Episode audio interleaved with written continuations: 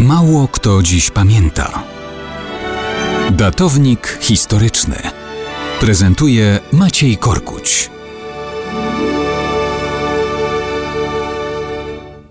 Mało kto dziś pamięta, że 5 listopada 1370 roku zmarł Kazimierz III Wielki, ostatni król z panującej w Polsce dynastii Piastów.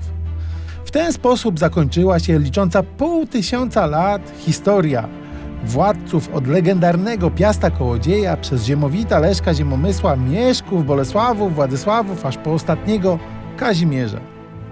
Żył przez całe 60 lat, panował niemal 40. Przeszedł do historii jako władca, który zbudował siłę państwa i podwaliny jego rosnącej potęgi. Trzymał się sojuszu z Węgrami, budował fundamenty wewnętrznej spójności królestwa. Stawiał też na rozwój elit, fundując Akademię Krakowską. Na ślubnym kobiercu stawał czterokrotnie. Z litewską księżniczką Aldoną miał dwie córki, Elżbietę i Kunegundę. Z Adelaidą Heską potomstwa się nie doczekał.